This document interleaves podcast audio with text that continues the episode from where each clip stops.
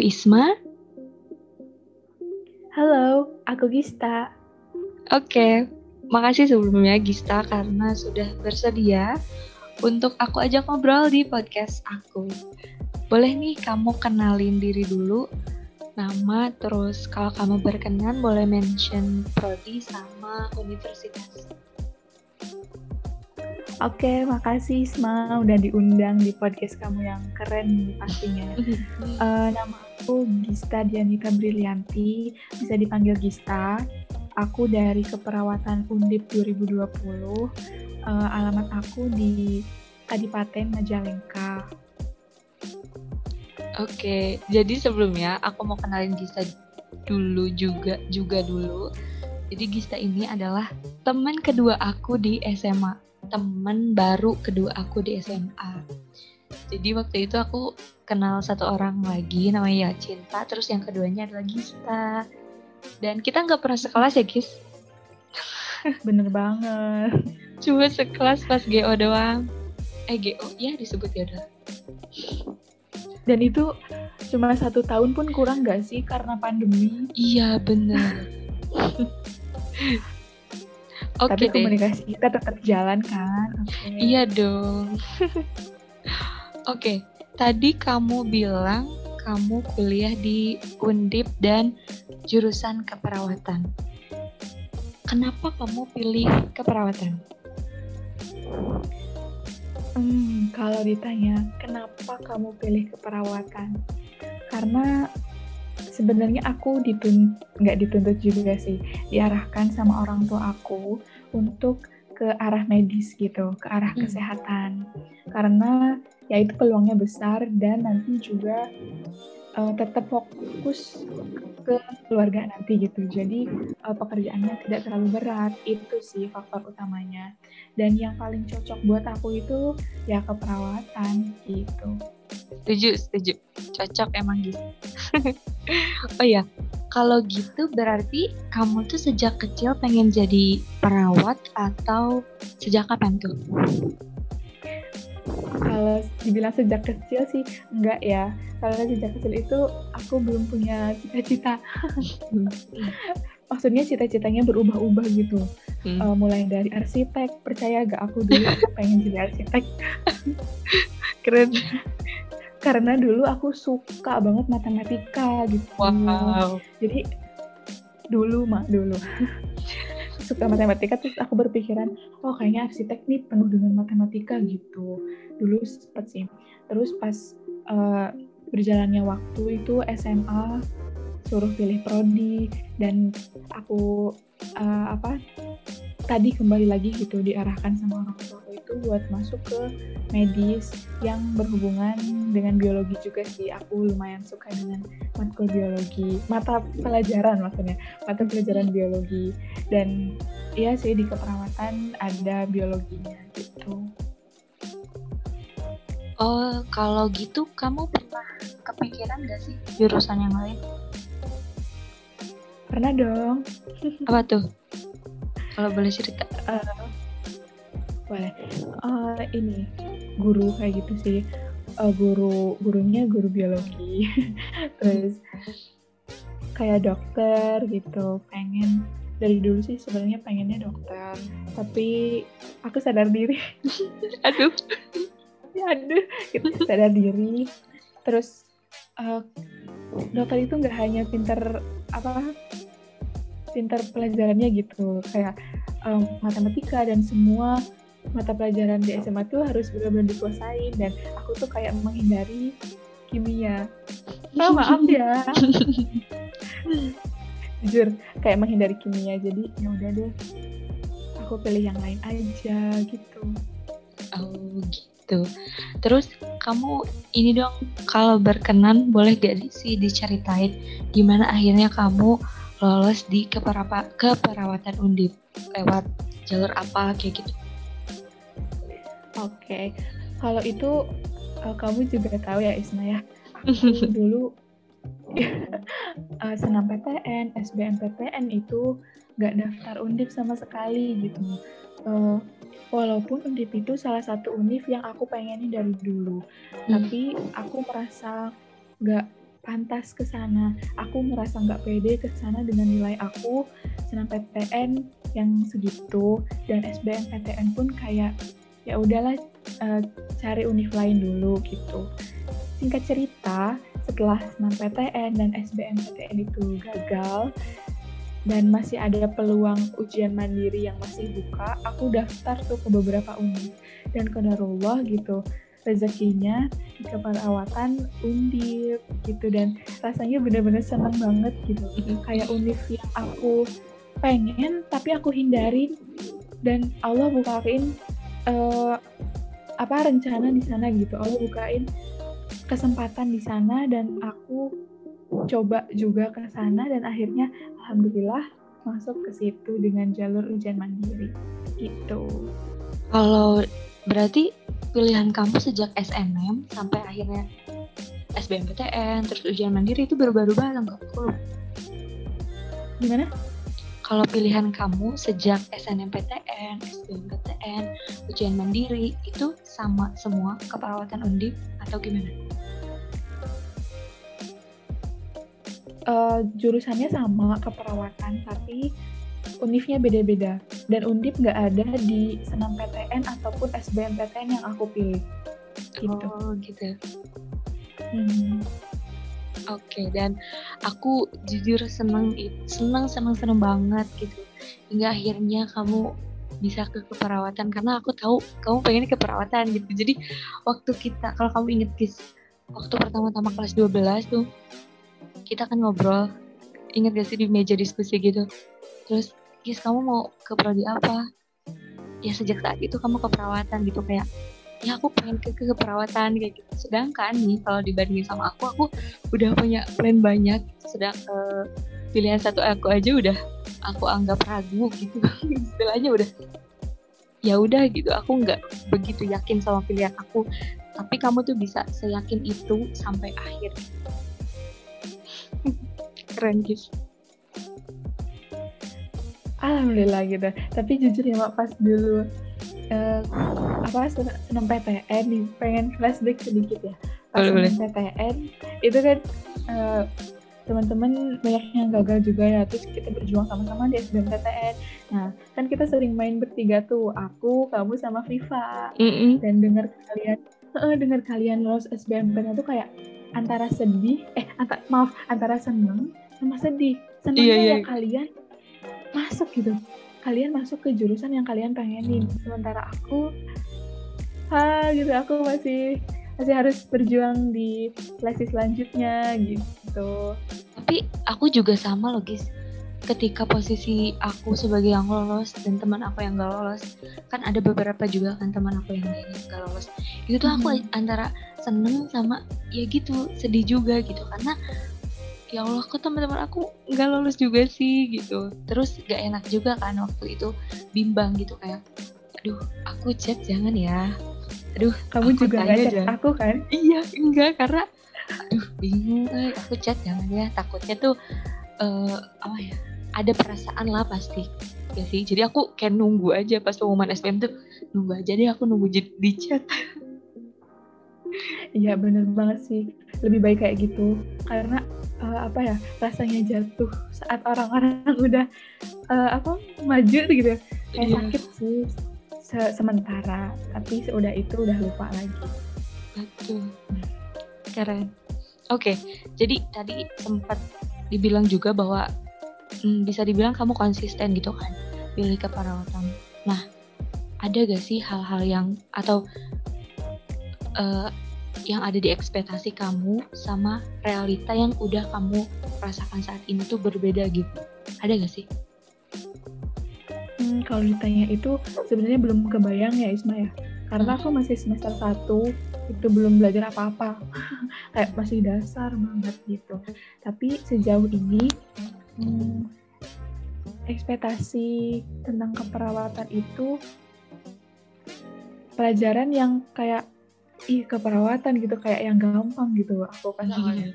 Tapi setelah aku memasuki perkuliahan itu benar-benar ilmunya itu luas banget dan kita benar-benar harus selain belajar dari dosen kita harus belajar sendiri hmm. dan itu tuh kayak um, sesuatu yang harus kita kita pahami betul-betul karena nanti objek saat kita bekerja nanti itu adalah manusia gitu. Betul.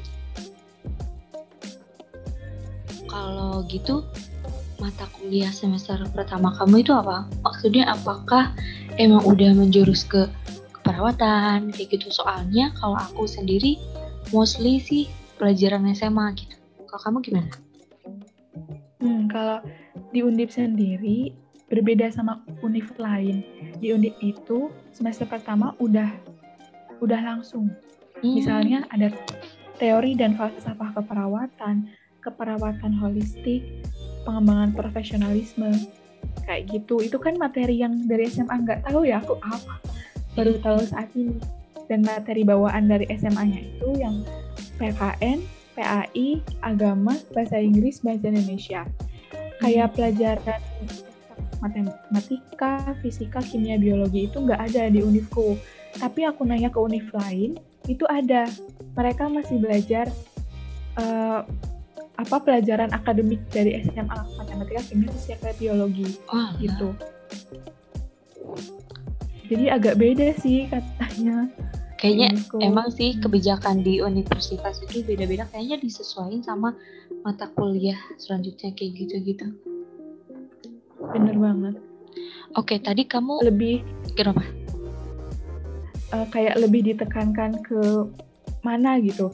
Contohnya kayak di di univ aku itu ada mata mata kuliah keperawatan holistik. Nah itu tuh kayak khasnya undip gitu. Jadi di univ lain katanya nggak ada mata kuliah itu. Um, uh, apa mata kul holistik itu holy ya.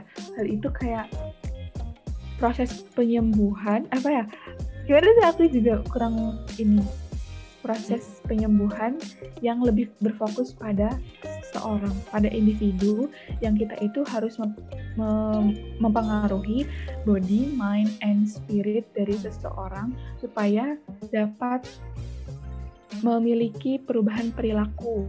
Perubahan perilakunya itu adalah orang yang orang yang sembuh ya jangan sakit, orang yang sakit harus jadi sembuh kayak gitu kurang lebih sih. Wah, menarik banget aku baru denger jadi itu yang aku kaget itu gitu. Kenapa? gimana dan yang aku kaget itu mata kuliah itu hanya ada di undip gitu di undip lain katanya kata kakak kelas sih gak ada gitu hmm.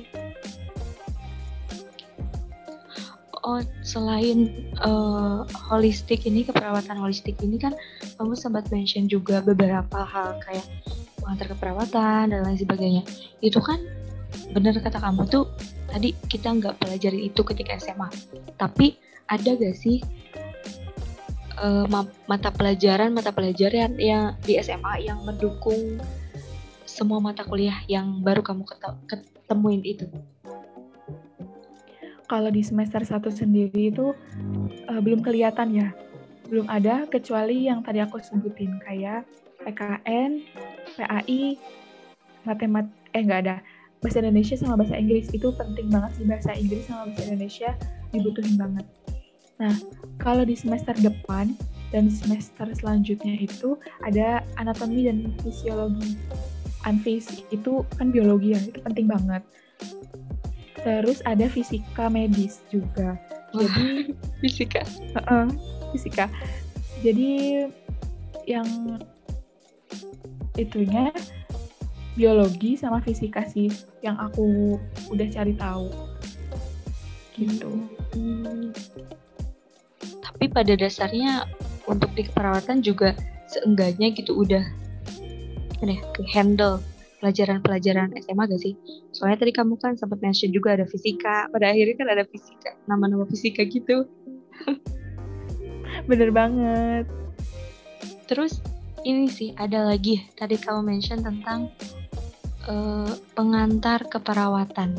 Mungkin uh, aku sih sebagai orang awam, mungkin ini adalah tata atau apa ya hal-hal khusus yang harus di dimiliki oleh keperawatan sehingga outputnya adalah uh, buat nanti si perawat itu bekerja kayak gitu kan.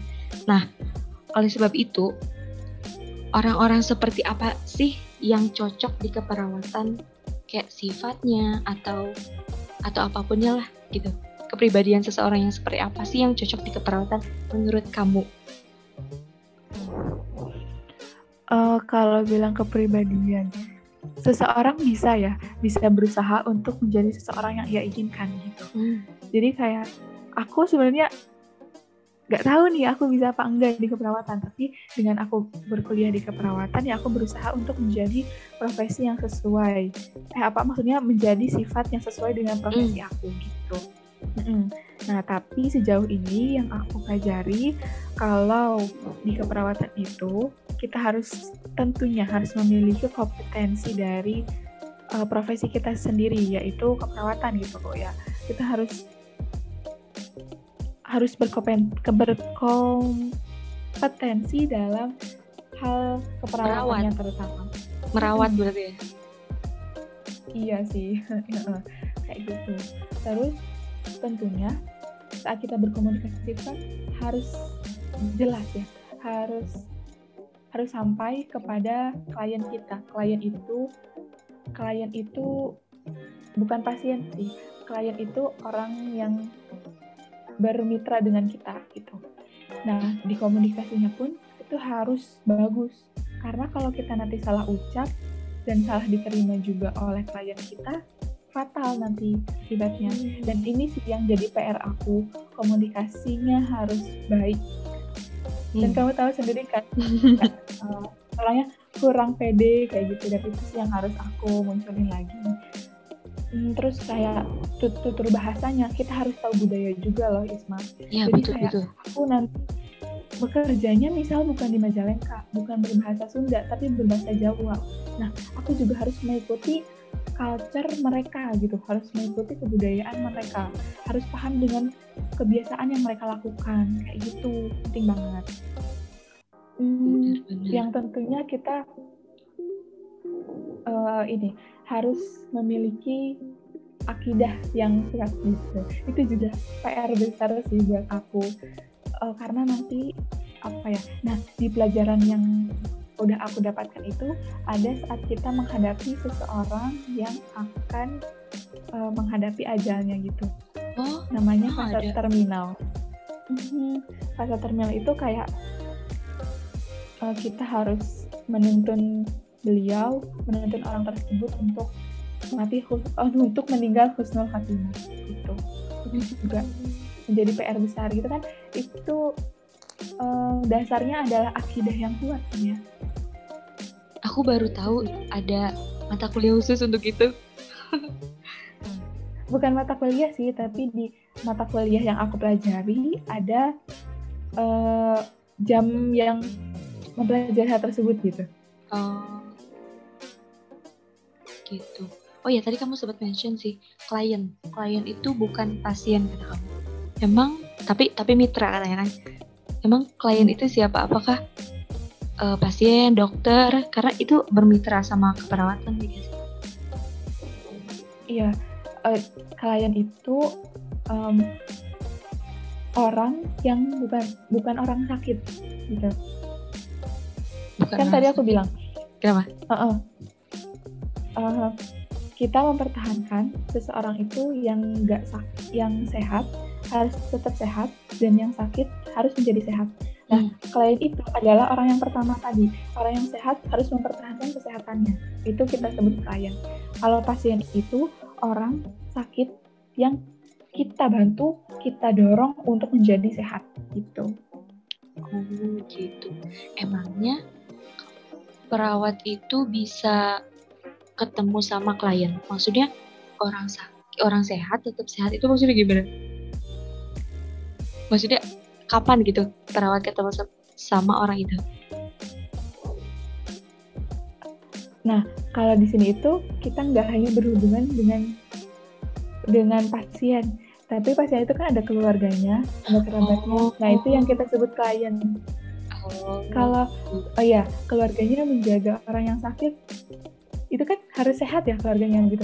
Ya, keluarga itu, kerabat itu jangan sampai sakit juga gitu tapi siapa yang akan merawat yang akan mendampingi uh, orang sakit itu gitu gambaran Jadi- umumnya sih. Jadi ada maksudnya ada ada hal khusus yang dipelajari dalam menghadapi atau apa ya istilahnya? Ya dalam menghadapi klien berarti ada pelajaran atau tata laksana khusus gitu ya. Hmm, ada, ada banget. Tapi itu belum aku pelajari sih di semester 1, kayak masih gambaran umumnya aja. Oh, ih asli aku baru tahu.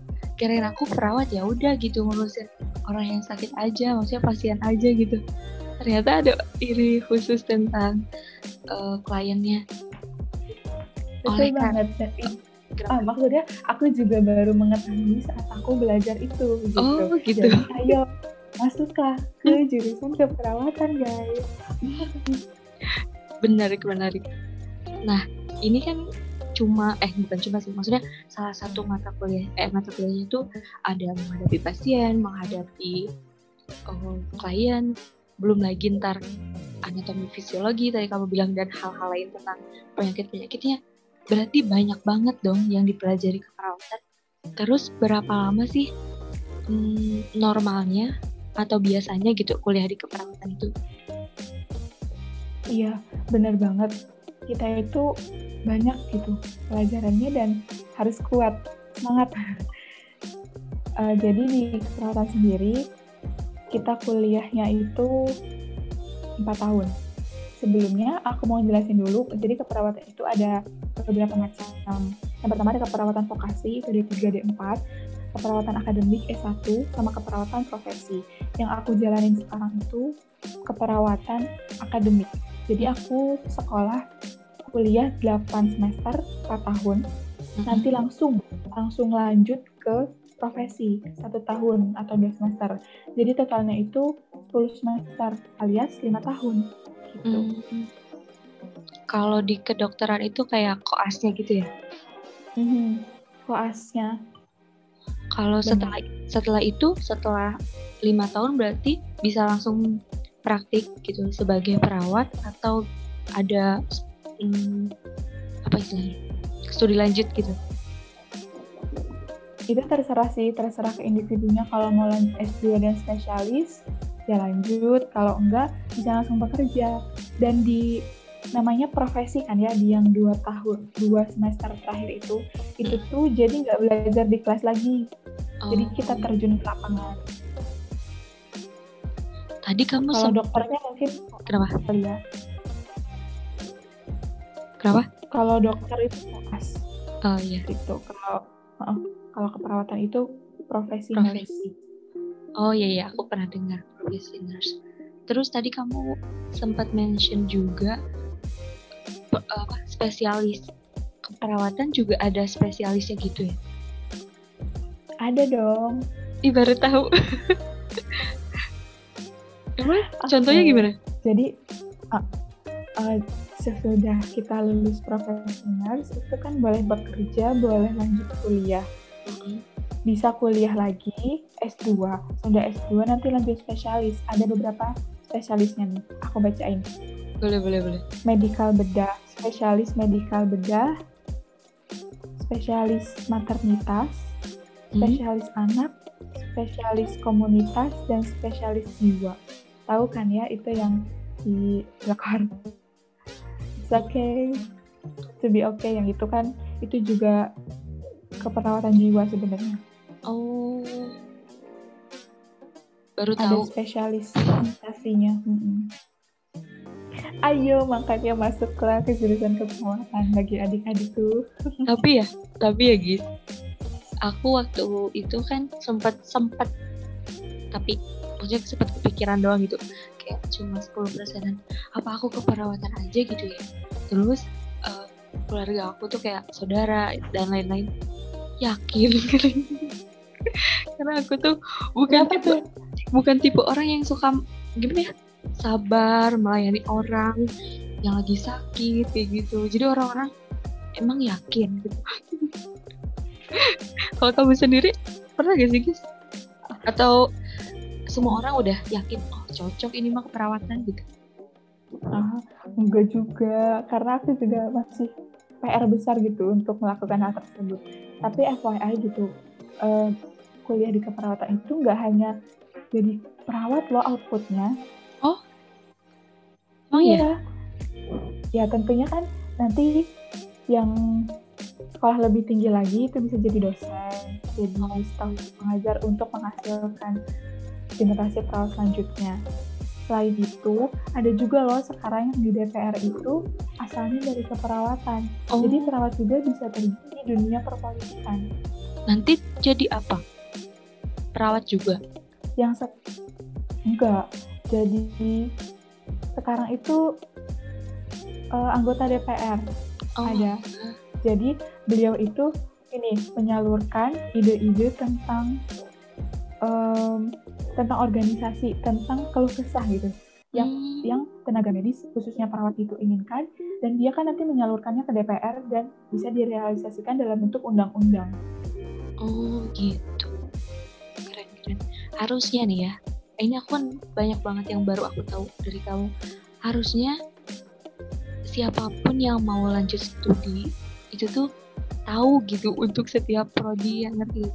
Kayak harus bener-bener banyak explore gak hanya uh, apa ya namanya itu batu di salah satu aja. Harusnya lihat lihat yang lain gitu. Buktinya aku dari uh, keperawatan yang kamu jelasin kayaknya kalau aku dulu SMA bakalan jadi pilihan kedua SNM aku deh. Masa sih? Karena ya tadi ya. kamu bilang kan uh, outputnya nggak hanya jadi keperawatan aja gitu kan kayaknya untuk itu bisa lah dibikin tapi itu sudah berlalu guys. Ya ampun. Oh ya tadi hmm? kamu mention juga kan berarti secara umum output dari keperawatan itu bisa uh, ke tenaga kesehatan ataupun ke dosen. Kira-kira kalau kamu hmm, mau menjawab aja sih kamu prefer ke mana nih? Kalau aku lebih ke terjun langsungnya sih cuman uh, doain ya nanti pengennya ke daerah spesialis gitu. Oh, jadi lebih lebih ini lebih terfokus ke hmm. keperawatannya gitu berarti kuliahnya lebih bertambah lagi ya lebih lama semangat pengennya sih Insya Allah semangat juga kamu kenapa kamu juga semangat Oh iya. Semangat juga Isa. Semangat lulus. aku empat tahun guys. Jadi lebih dulu oh, ya? nanti aku. Iya. Iya iya. oh, oh, oh. oh iya. Kita jadi ngalor gitu ya udah ya Karena kita friend. Obrol. Gitu. Jadi obrolan jadi friend gitu. Gini gitu. Tentang ngomong-ngomong tentang tenaga kesehatan. Kamu tadi berarti kan prefer ke tenaga kesehatan.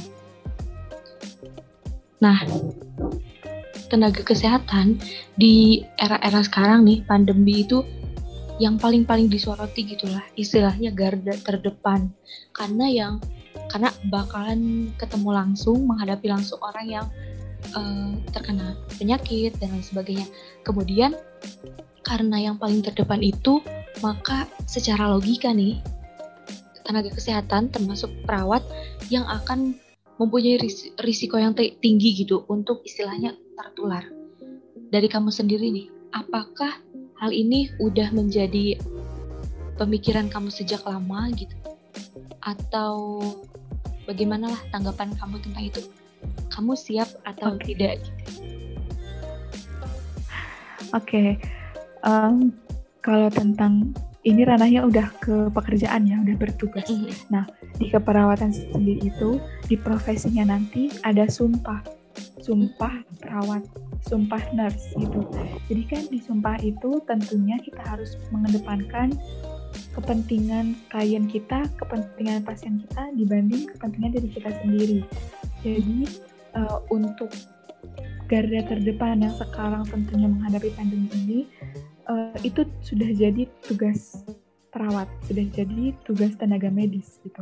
Dan mereka udah sumpah dong, gak bisa melanggar hmm. itu gitu. Nah, untuk dibilang aku siap atau enggak, ya um, semoga di lima tahun ke depan itu udah nggak ada pandemi. Amin.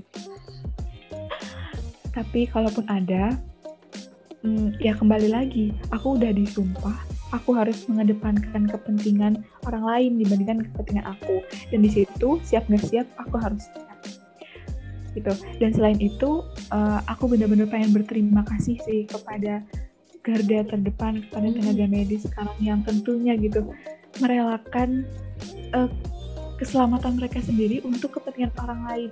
Itu dan aku salut banget sih. Dan itu kalaupun beliau-beliau itu meninggal meninggalnya juga mati syahid. Gitu kan? Dan itu juga ada di dalam Al-Quran kan? Kalau kita menyelamatkan satu nyawa sama aja kita menyelamatkan semua semua nyawa gitu. Dan keren banget gak sih? Gitu. Iya. Selain apa sih mengesampingkan diri sendiri dia juga harus udah siap gitu kan kayak meninggalkan keluarganya lah mungkin udah punya anak lah itu juga harus siap mental meninggalkan itu semua untuk bertugas ya. Iya bener banget. Nah kalau kamu intinya berarti kamu siap kan? Karena udah istilahnya udah ada komitmen udah bersumpah untuk melakukan hal itu. Tapi dari orang-orang terdekat kamu nih khususnya orang tua kamu ada gak sih kalimat-kalimat khusus yang kaitannya sama uh, posisi nakes yang harus berada di jadi uh, sampai saat ini gitu alhamdulillahnya orang tua aku itu mendukung atas semua yang aku pilih atas jurusan yang aku pilih dan konsekuensi nanti ke depannya saat aku bekerja itu khususnya orang tua aku ya uh, ya mereka juga paham dengan pekerjaan aku sebagai tenaga medis. Kalaupun kamu harus berjuang, ya berjuanglah gitu. Tapi aku belum tahu nih. Tadi kan aku juga punya pasangan gitu. ya aku jadi berat ya pembahasannya. Aduh.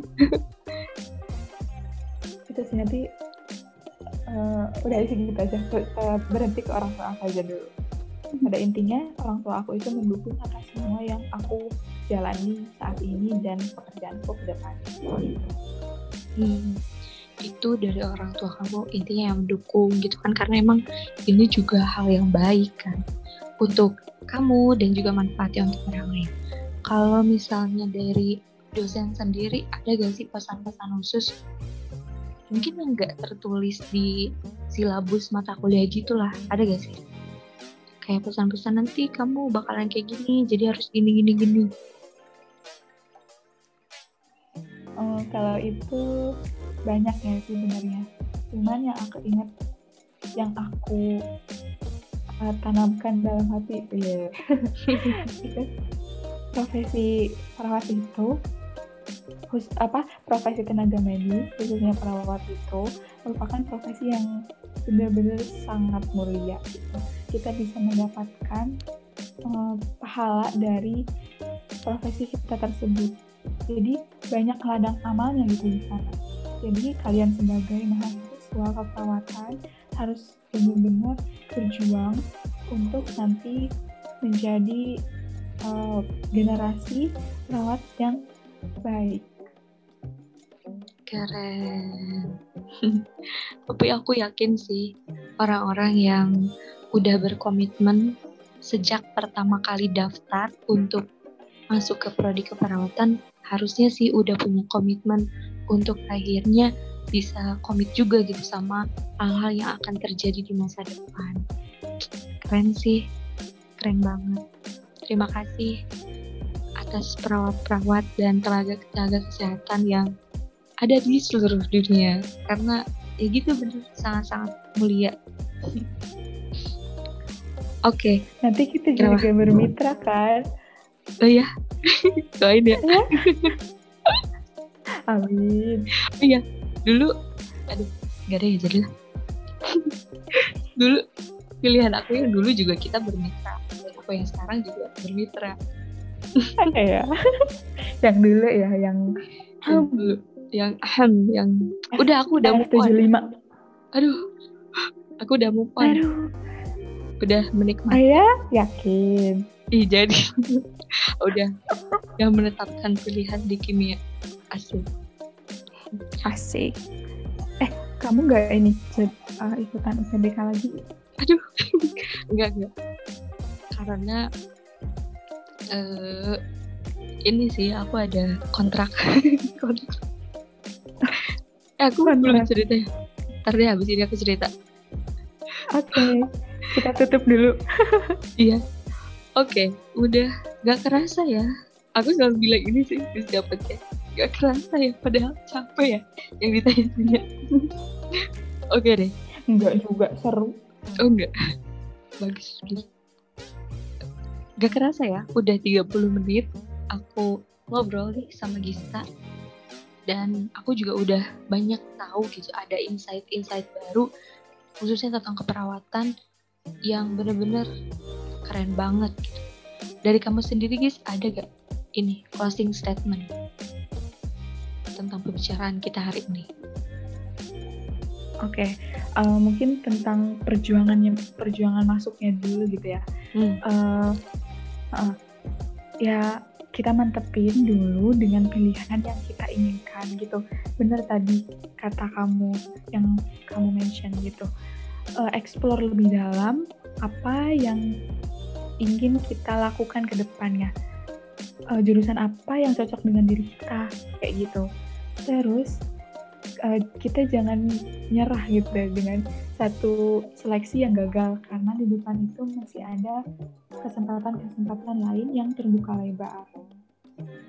Mungkin itu aja sih dari aku. Semangat buat semuanya.